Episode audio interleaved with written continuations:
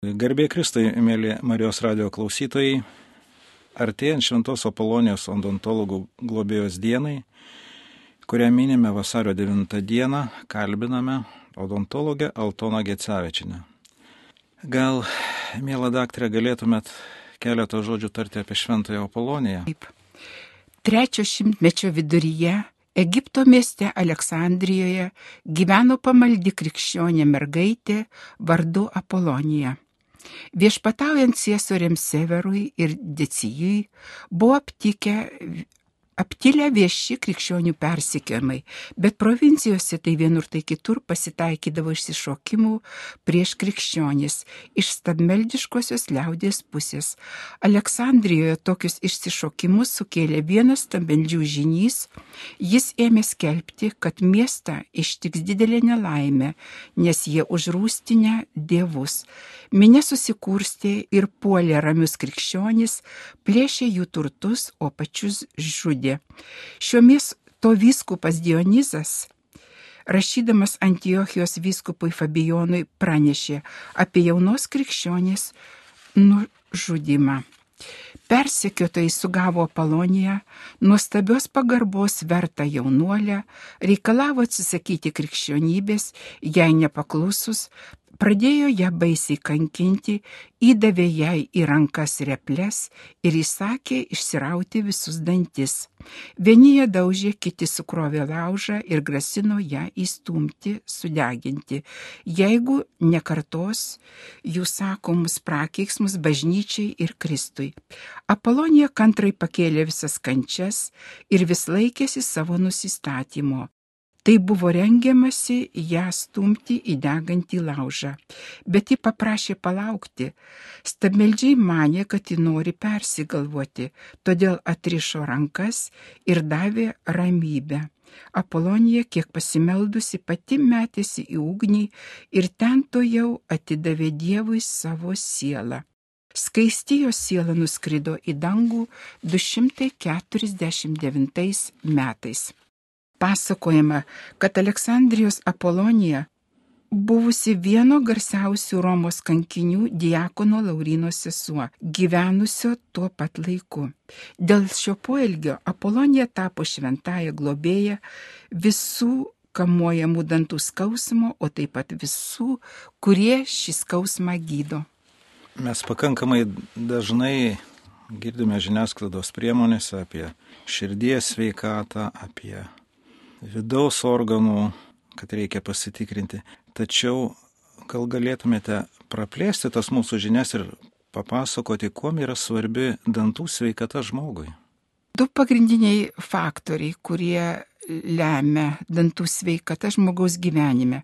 Maisto geras sukramtimas, sakyčiau, antroje vietoje yra estetinis žmogaus įspūdis vaizdas.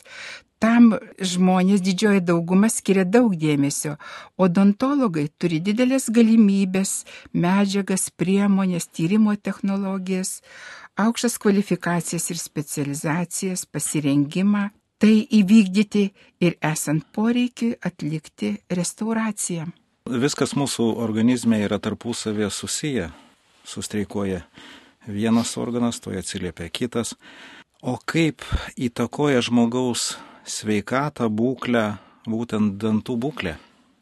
Tai būtų tokie kertiniai dalykai - gera kramtimo funkcija, pasitikėjimas savimi, gera savijauta, graži šypsena, galimybė mėgautis maistu, aiški kalba ir gera gyvenimo kokybė. Tai būtų tokie. Visi mes turime prisiminimų apie vizitus pas odontologus. Ir tada vieni yra geresni, kiti yra šiek tiek prastesni. Būtų klausimas, kaip teisingai pasirinkti odontologą? Manau, kad e, kiekvienas iš mūsų pasirenka šeimos gydytoją, jeigu to reikia, tai kineziterapeutą ar kitą specialistą. Manau, kad tai yra mūsų vidinių nuojautų rezultatas. Iš tikrųjų, Lietuvoje odontologijoje ta pagalba yra labai aukšto lygio, aukštos kvalifikacijos specialistų. Na ir būtina vieną kartą apsilankyti dantų priežiūros įstaigoje. Jeigu nėra nusiskundimų, jūs galite kreiptis į hygienistą, kuris e, yra profesionalas atliekant burnos higieną ir jis tada profesionaliai apžiūrėjęs jūsų burnos ertmę matys, kokia pagalba reikalinga. Ar tai reikalingas odontologas kokie tai nekokybiškai plombai pakeisti, atlikti restauraciją, ar reikalinga periodontologo konsultacija, ar chirurgo, ar tai protezuotojo. Jūs vat, paminėjote burnos higieną. Nu, atrodo, mes apie burnos higieną šiek tiek žinome, nes valomės dantis, televizijoje matome ir skaitome reklamas apie burnos skalavimo skyščius, bet tai kuom tada skiriasi ta mūsų asmeninė hygiena ir ta, kurią atlieka gydytojas. Ir tada klausimas, kaip teisingai prižiūrėti dantis. Žinoma, burnos hygienisto toks kaip jų būtinybė ir jinai atsirado tik tada, kai jau vyko odontologijoje tas darbų toks pasidalymas ir burnos hygienistų darbas labai, labai labai reikalingas, kadangi e, atvykęs jisai burnos hygienai, jisai tiesiog norientuoja ir nukreipia pacientą ten, kur jam ta pagalba reikalinga. O galbūt tik tai jam pakanka burnos hygienos, O tai, o burnos higiena ir priežiūra, tai yra pagrindinis akcentas dantų lygų profilaktikoje. Tada, jeigu pratesiant mintį apie burnos higieną ir tą asmeninę higieną, kokios priemonės yra reikalingos? Nu, jau suprantame, kad tai yra šepetėliai, tarpdančiam siūlai, dantų pasta. Gal galėtumėte šiek tiek patarti, kokie šepetėliai yra tinkamiausi, kokią dantų pastą įsirinkti, ar žiūrėti pagal kainą, ar pagal pomėgį, kad čia vat yra tokio skonio, čia yra kitokio skonio. E, kokie šepetėliai tinkami? Šepetukai pagal kietumą yra minkšti, vidutinio kietumo, kieti. Populiariausi yra vidutinio kietumo šepetukai. Šepetėlė turi būti patogi rankenėlė, šepetėlių šereliai yra skirtingų ilgių ir užapvalinti taip, kad netraumuotų ir masažuotų dantenas.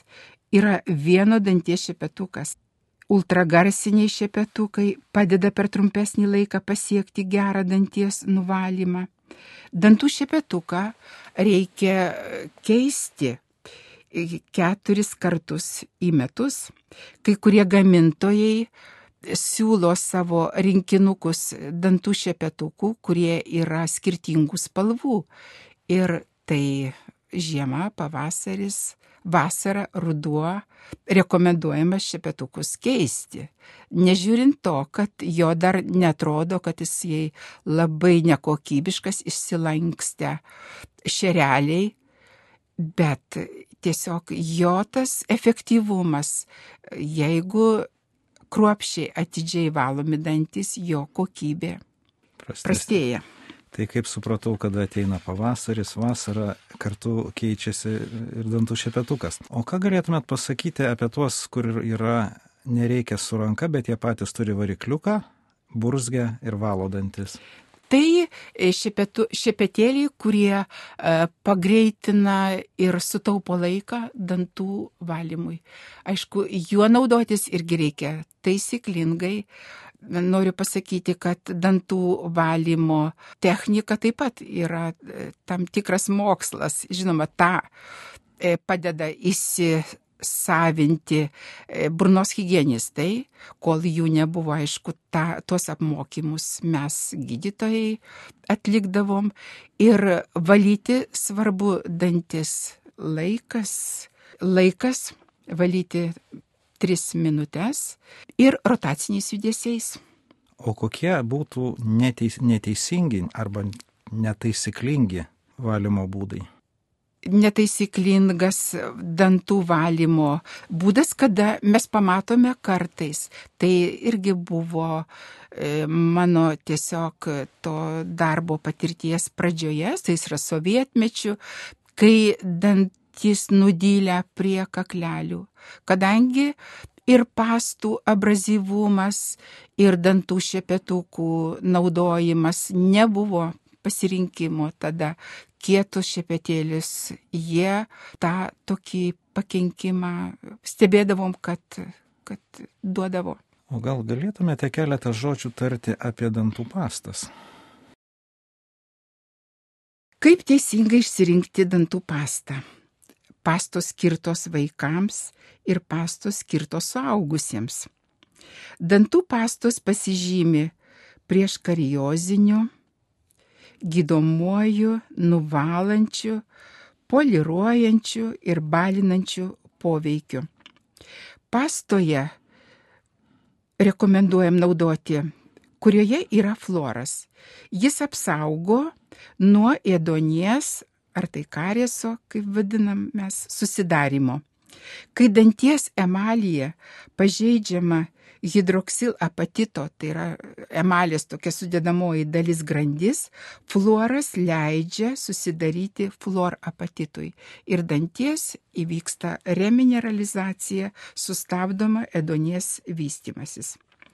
Svarbu, kad pasta neturėtų stipraus abrazyvinio, trauminio poveikio emaliui ir dentinui. Dar turime pastas, kurios e, mažina jautrumą, esant dantenų uždegimui. Yra pastos, kurios pasirinkimas yra didžiulis. Vaistinėm žolėmis, ekstraktais. Dar turime dantų skalavimo skyščius, kuriuose taip pat gali būti žoliniai preparatai arba e, veiksminga priemonė chlorheksidinas, kuris turi poveikį tiesiog mažinantį uždegimą ir pristabdantį procesą. Tai kokia paskirtis yra burnos skalavimo skyščios? Burnos skalavimo skystis nėra pagrindinė dantų tokia priemonė komplekse dantų šepetukas pastas, skalavimo skystis. Dažniau, dažniau jis rekomenduojamas, kada yra dantenų uždegimas. O kaip dažnai galima skalauti burną? Tai būna nuoroda tiesiog pa, pasiūlius e, tam tikrą priemonę, dažniausiai tai yra e, du kartus, du kartus. Tai būna po, tarkim, po operacinės intervencijos patariama skalauti, skalavimo skyščių. Ir e, yra tam tikra irgi rekomendacija, jeigu tame skalavimo skystyje yra sudėdamoji veiklioji medžiaga chlorheksidinas, rekomenduojama 30 sekundžių skysti, žodžiu, atskėdus, jeigu reikia, ir palaikyti burnoje 30 sekundžių. Po to išspjauti ir jau stengtis nevalgyti, kadangi užsideda plėvelė tam tikra, kuri turi tą efektingą poveikį.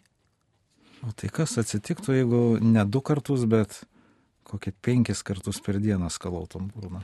Tai konkrečiai, jeigu šita priemonė e, gali dantis e, šiek tiek e, apnašą absorbuoti ir, ir kartais skonio, liežuvyje skonio receptoriai galite nepilnai jausti skonius. Nerekomenduojama to daryti.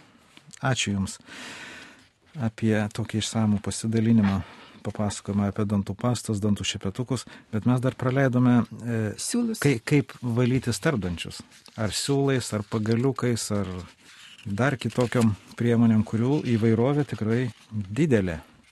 Pagalbinė dantų valymo priemonė, e, kurią rekomenduojam dantų priežiūros specialistai, yra siūlai. Siūlai tai yra amerikiečių mokyklos rekomenduojama ir kadangi su dantų šepetuku mes gebam išvalyti iš penkių paviršių tik tai tris, todėl siūlas arba fliosas, kaip vadinam, mediciniškai naudojamas išsivalius dantis ir prieiti ir išvalyti tuos paviršius, kuriuos dantų šepetukas negali to padaryti. Tai siūlas apviniojamas ant dviejų pirštų ir įvedamas į tarpdantį. Svarbu tą daryti atsargiai ir kruopšiai, kad nepažeisti ten dantenų raiščio. Todėl tas toks skausminis pojūtis ir e, kadangi siūlas yra impregnuotas floro, jis nesišerpetojantis, impregnuotas floru, jisai tą danties paviršių e, nuvalo ir turi poveikį, kurį mes negalim atlikti su šepetuku. Tiek daug visokių rekomendacijų, bet visi mes esam žmonės ir turim tokią stebuklingą savybę, kabutėse, patingėti. Kas atsitinka, kai mes patingim valyti dantis? Ir vėlgi, manau, kad šitas klausimas tiesiog pačiame žmoguje, jeigu jis supranta, kad tai dantų valymas yra pati pagrindinė priemonė, kuri dantį apsaugo nuo gedimo, jis tą turi daryti.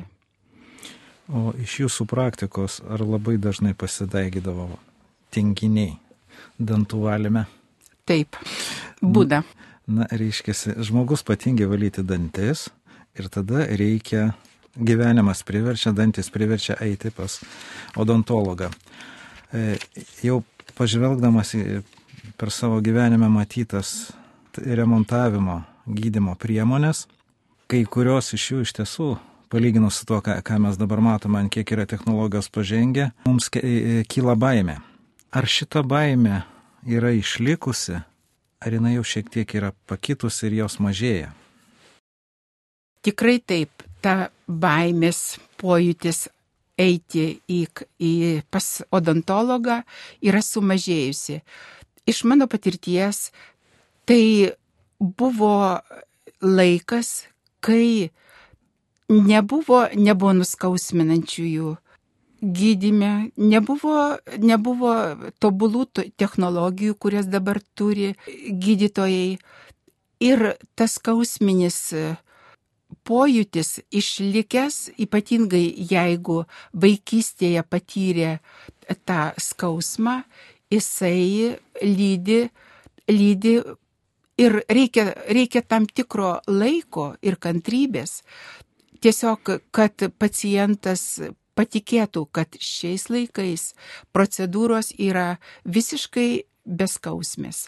Dažniausiai dirba gydytojai pasiūlę nuskausminimą, žinoma, dalis būna pacientų, kurie, kurie atsisako, bet tai yra didžiulis diskomfortas ir pačiam pacientui, ir gydytojui, jeigu tos procedūros atliekamos nenuskausminus. Todėl reikia tiesiog, kad pacientas patikėtų ir patikėtų ir be baimės tiesiog pajustų tą. Ir iš mano patirties dažnai pacientai be abejo, kai jie jau įsitikina, kad tikrai ta procedūra ateina, ramiai jaučiasi nusiteikę, tai yra ir vidinis žmogaus nusiteikimas, ir, ir gydytojo paaiškinimas, kas jam bus daroma, kaip jisai jaučiasi ramiai ir ne vieną kartą pacientas kėdėje užsnūsta.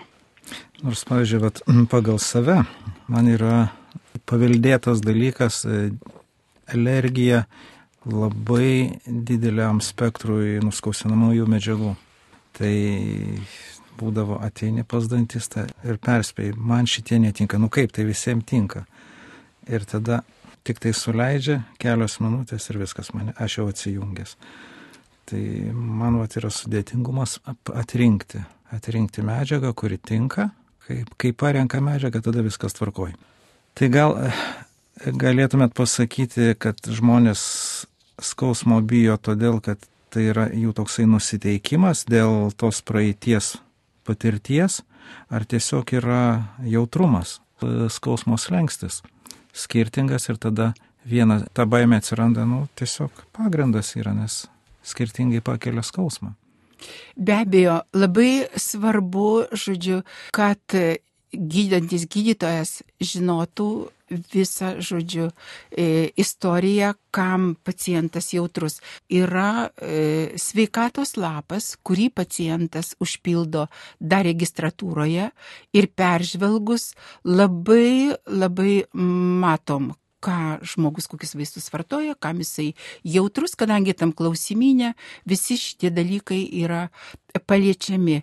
Tada, žinoma, tos atsargumo priemonės šiuo metu pasirinkimas ir nuskausminančių yra labai, labai, labai plataus spektro ir jam parinkami vaistai, kurie kurie, bet dažnai e, pacientam tas baimės išraiška ir toks, vad kaip jūs sakot, liktai atsijungia, tai būna toks alpimo, alpimo požymis ir tai yra tiesiog psichologinis, emocinis e, iššūkis, kuris žinoma, šiek tiek ir išgazdina ir gydytoją, bet visa tai tiesiog jau tada tiesiog arba atidedama procedūra, mm, ar tiesiog leidus nurimti, tęsiama ir e, po truputį tai išė, išvedamas tas pacientas ir, ir jam jau jisai pripranta ir tų, tie dalykai nesikartoja.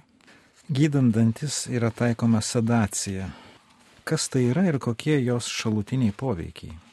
Sadacija tai yra jau tokia bendrinė nejautra, kuri tam tikrais atvejais, bet žinoma, gana retai naudojama Bet e, būna, būna e, atvejų, kai, kai to reikia. Dažnai būna vaikams, kada burnos būklė yra labai, labai sudėtingoje situacijoje, tad ir reikia gydyti tiesiog e, dantų grupės, tuomet taikoma, taikoma tas gydimas narkozėje. Tai anesteziologas kviečiamas jisai ir šiaip nuskausminimas, vietinis nuskausminimas ir laidinė neutra tai jinai atliekama tik tai tam tikram dančiui, netgi raunant tai yra ir implantacijos metu daroma vietinė nejautra, suleidžiamas vaistas, kuris nuskausmina tos srities dantis ir atlieka visą šitą tada gydytojas ir pacientas be nejaučia skausmo, visas tas darbas vyksta sklandžiai. Ačiū. Jūs paminėjote rautę. Tai kas yra geriau, rauti ar gydyti dantį? Vienareikšmiškai atsakyčiau, kad gydyti dantį. Visada, visada savo praktikoje labai kovoja už kiekvieną, už kiekvieną dantį, kurį, kurį įmanoma išsaugoti. Bet be abejo, šiais laikais yra visos, visos technologijos ir danties rentgenas, ir panoraminis, ir 3D e, kompiuterinis ištyrimas. Ir būna be abejo atvejų, kai danties išgelbėti jau neįmanoma. Tuomet prisieina rauti. Bet tai, kur, kurie dantys kažkada galbūt jie būdavo aukojami ir išraunami, kadangi nebuvo darbo gydytojų su mikroskopu, kurie gydo kanalus ir, ir tai yra kropštus be galo didelis darbas, bet yra iš, išgelbėjama, kada yra teikiama pagalba. O kokie variantai vietoj to išrauto dančio? Ką tada daryti, jeigu vis dėlto jau prisėjo jį išrauti? Vietoj išrauto danties šio laikinės, žodžiu, technologijos e, leidžia sukti implantus. Bet implantų, jeigu aš klystu, pataisykit, e, yra labai brangi procedūra. Jeigu netekote vieno danties, tai rekonstrukcijai ir atstatymui reikia šalia nušlifuoti du dantis, sakyčiau, tiesiog juos paukoti, tam, kad įstatyti vieną dantį. Tai yra ne pats geriausias atvejis. O, o finansiniai, finansiniai kaštai šiek tiek skiriasi, bet, bet implantacija, žinoma, implantacija dar implantas apsaugo alveolinio kaulo rezorpciją. Ir jeigu jūs po kurio laiko sugalvosite, kad jums, na, netiltas, norisi burnoje turėti, o implantuotą dantį galbūt prisėis vėlgi daryti didelę investiciją, kaulo atstatymas ir sudėtinga operacija. Paminėjot alveolinio kaulo rezorpciją. Nu, čia toks medicininis terminas ir klausantį auditoriją nėra medikai. Gal galite taip paprasčiau, aiškiau pasakyti, kas tai yra? Ištirpsta. E, kiekvienas dantis, jo šaknis e, įsitvirtinę, žinoma, su, su raišių pagalba ir visą tą kaulę. Ir kada negauna krūvio kramtant per dantimą, vyksta kaulo nykimas. Supratau galbūt visiems mums, mums bus jau aiškiau, kad dantis reikia prižiūrėti. Mhm. O vat su ta mes kalbėjome apie baimę. Ką patartumėt, kaip su ją kovoti, kaip, kokios priemonės gal žinote stebuklingas, kad ją nugalėti, kaip savo padėti, kad įveikti tą baimę? Žinoma, yra, yra ta tokia, kaip mes vadinam, premedikacija ypatingai jautriems pacientams, kuris, žinoma, dabar mes tokiu nelabai, prisipažinti, nelabai sutinkam, bet būdavo, kad pacientai ypatingai bijantis ir jie tiesiog jie nepailsėję ateis, jie nemiegos, tuomet patariam išgerti vaistų, kad jie pailsėtų, išsimiegotų ir ateitų tiesiog savyje turi, turi tą baimę jie nugalėti. Vaistų tai čia jūs turit galvoje valerijonus? Valerijonai, žolelės, žolelių arbatos. Ką jūs įvardintumėt kaip didžiausių dantų priešų? Didžiausias dantų priešas turbūt pats žmogus, kuris neskiria reikiamo dėmesio dantų priežiūrai dėl nežinojimo ar aplaidumo. Žinoma, bloga burnos higiena yra dantų priešas, tiesiog ta mytyba ne visa vertė. Gal galite plačiau apie mytybą? Labai stebėdavau, kada, kad vaikai ypatingai tas nereguliarus valgymas ir tarp, tarkim, tarp pusryčių pietų, kažką tai užkandžiauja, užkandžiauja ypatingai visi tie sausainiai, saldainiai, kurie yra e, mytybos pagrindas mikroorganizmų. Tai yra labai, labai tokie blogi įpročiai. Ir reikėtų, žinoma, natūralus maistas, kietas, kietas maistas, e, daržovės, jos padeda dantiem tiesiog natūraliai apsivalyti. Burnos sveikatai tai yra labai patartina. Kas dar yra patartina dantų sveikatai? Ką jūs vardintumėt kaip didžiausių dantų sveikatos šaltinių? Gal aš dar norėčiau pakalbėti vis tiek apie tą priežiūrą tiesiog teisingą. Taip, klausom. Galim grįžti prie Taip. tiesiog tos temos. Jeigu prieš mus žmogus, kurio švyti akis ir šypsena tai yra laimingas žmogus.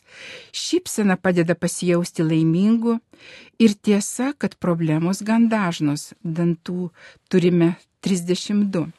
Neretai pacientai kreipiasi, kai jau turi edonės komplikacijų. Didelis priešas išlaikyti sveikus dantis ir dantenas yra dantų apnašos, kuriuose daug mikroorganizmų, kurios savo apykaitos produktais pažeidžia dantų emalį, atsiranda paviršinis, o vėliau ir dantino ėdonis. Susikaupusios minkštos apnašos virsta kietomis apnašomis akmenimis, kurie provokuoja kaulinių kišenių susidarimą ir alveolinio kaulo tirpimą. Negydant dantis pradeda klibėti, Tam, kad mes apsaugotume savo burnos ertmę nuo susirgymų, būtina burnos ertmės priežiūra. Rekomenduojama kiekvieną kartą po valgio išsivalyti dantis, privaloma tai daryti ryte ir vakare, po tris minutės, kad būtų išvalyti maisto likučiai ir susidarusios apnašos. Sėkmė geros hygienos Atidžiai ir kruopšiai valyti dantį su šepetuku pasta bent 3 minutės, apnašos nesusidarys. Valant du kartus dienoje apnašos ištirpinamos. Tai būtų tokie patarimai. O dantų skalavimo skystį prie to galima pridėti? Ar, Būtent ar, taip pa- pat. ar pakanka tik Taip, tai išsivalyti? Taip, taip. Kai aš minėjau, dantų skalavimo skystis su tiesiog tais cheminiais priedais, kada reikia gydomojo tokio poveikio. Šiaip yra skalavimo skyščių tiesiog žolinių pagrindų, kuris tiesiog e, atgaivina, paprastai įeina mėtos skonio žolelės, kurios duoda burnos ertmitą gaivumą ir tokį malonų, malonų pojūtį burnoje pačiam ir aplinkiniams. Kiek jūs metų išdirbote Apie stomatologu? 50. O kas nulėmė, kad pasirinkot odontologo specialybę? Mano mąstymas buvo studijuoti mediciną, o apsisprendimai, apsisprendimai būna bebaigiant mokyklą ir pasakyčiau, kad mano tam apsisprendimui buvo patarimas mano dėdės. Turėjau amžinatilsi dėdė kuniga Joną Kavaliauską, kuris buvo visa, visapusiškas mūsų tiesiog e, žmogus, su kuriuo galėjom tartis. Ir jisai man tada patarė, jis man patarė į odontologiją. Aš jau buvau susiruošusi į farmaciją stoti. Patarė dantukus prižiūrėti. Ir esu labai, ir esu, kitų. esu labai laiminga, labai, labai mėgau savo darbą. Šiuo metu jau, jau nebedirbu. Turite tikrai tokį ilgą dešimtmečių darbo patirtį. Gal galėtumėt pasidalinti, kokie atvejai palikę atmintyje ir jūs juos prisimenat, vienaip ar kitaip paliečia ir vat, pasidalinti su mumis tais atvejais. per savo tą tokį darbo laikotarpį labai įsiminė mano teikiama pagalba mūsų parapijos, aš priklausau Švento Antano parapijai, dienos centro vaikams, kurie stokojo gal ir iš tėvų dėmesio, bet jie juos globodavo mokytojos ir teikėme pagalbą jiems. Dar buvo toks etapas, kada įsigijom įrangą, mobilę įrangą, teikti pagalbai namuose ir pagalbos teikimas su negale žmonėms namuose, tai buvo tikrai, kada matydavom, kokie jie džiaugsmingi, mes juos paliekam atlikę procedūrą, žinoma, tai buvo procedūros tokios, kurios e, galima buvo atlikti, važiuodavom su e, asistentu ir dantų higiena, paplombavimas, kartais nesudėtingas rovimas. Jiems tai buvo, man taip atrodė, gyvenimo pragėdrinimas ir tai man, mums patiems irgi ir man pačiai teikė didelį džiaugsmą. Ar neturit kokio išlikusio atmintyje paciento ar pacientės su savo ypatingu įvykiu atveju? Gal toks būtų atlikus darbą e, pacientui. Tai buvo, kai aš dirbau poliklinikoje, jam buvo padaryti protezai, aišku, išimami, išimami protezai. Ir, žinoma, jis buvo atvykęs iš, iš mano tėviškės, iš Dzukijos. Ir atlikus tą darbą, kažkaip nutrūko, nutrūko kontaktas, bet po pusantrų metų turbūt aš jį sutikau savo, savo tėviškėje ir labai džiaugsmingas ir aš jo klausiu, kaip tu jautiesi. Sako, puikiai. Sako, aš nebuvau net išsiemęs to protezo. Gal apie protezus galėtume dar kažką tai tarti? Keletą žodžių. Tai irgi pagalba, kurią paprastai teikia odontologas protezuotojas. Šiaip jau vyksta darbų pasidalymas stambesniuose odontologijos centruose ir toks centras kaip, kaip mano įsteigtas. Tai teikia licenzijuotas, turintis licenciją, atlikęs antrinę rezidentūrą gydytojas arba jisai turintis sertifikatus tam darbui. Ir ta pagalba teikiama ir labai prieinama, sakyčiau, kadangi yra sutartys su ligonių, teritoriniam ligonių kasom ir jie atlikę tam tikrus formalumus, užsirašė, jie ateina su galimybę už atliktą darbą e, gauti finansavimą iš teritorinių ligonių kasų. E, pacientui jokio rūpešio neiškyla, jis užsirašo ir įmoniai yra pervedami pinigai jam priklausantis ir, sakyčiau, nemenka suma. Šiek tiek valstybė, iš tikrųjų, tas rūpestis padidėjęs ir nuo atitinkamų ten darbų yra skiriama kompensacija, netgi 600. O kuriais atvejais jau prireikia protezo? Kada jau jie tampa reikalingi ne gydimas, ne tas vat, implantas, bet jau protezas reikalingas? Bedantė burna, jeigu yra bedantė burna, arba likę tik tai atraminiai dantis, ant kurių gali būti pagamintas išimamas protezas. Tai kiek mažiausiai reikia dantų? Kramtimo funkcijai, kad būtų pilnavertis kramtimas, irgi yra tokių nuomonių. Manoma, kad jeigu užsibaigia, kaip mes skaičiuojam nuo centro, penktų dantimi, gali, bet nukenčia, nukenčia kramtimas, nukenčia. Netgi vieno danties netekus yra didelis diskomfortas kažkur ten gale krūminio. Tai protiniai dantis dažnai dabar yra netenkami. Protiniai dantis dažnai visiškai sveiki yra šalinami. Tada taikomas kreivų dantų gydimas, ta vadinama ortodontija. Ir jeigu žandikaulyje tam, kad dantis išlyginti sakantį ir trūksta vietos, protiniai dantis kartais rekomenduojama pašalinti ir visus keturis. Ar tai yra tikslingas?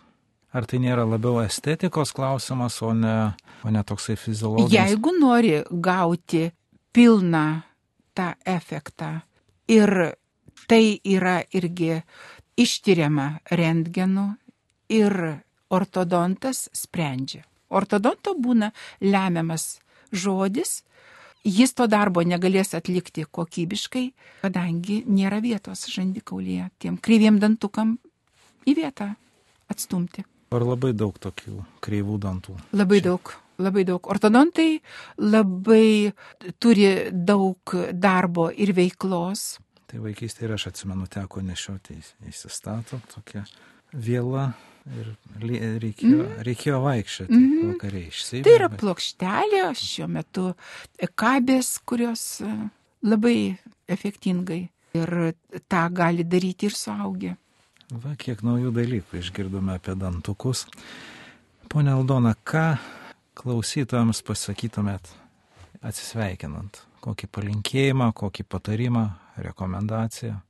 Labai norėčiau palinkėti pacientams, kurie atvyks į gydymo įstaigą, kad jie sutiktų odontologą, kuris mėgsta savo darbą, myli žmonės ir nori jiems padėti. Ir labai linkiu be baimės su džiaugsmu keliauti pas odontologus. Ačiū Jums. Šioje laidoje kalbėjome apie dantis, apie dantų priežiūrą, apie šventąją Apoloniją, kuri yra odontologų globėja. Su jumis buvo odontologė Altona Gecevičinė ir aš Mindaugas. Su Dievu.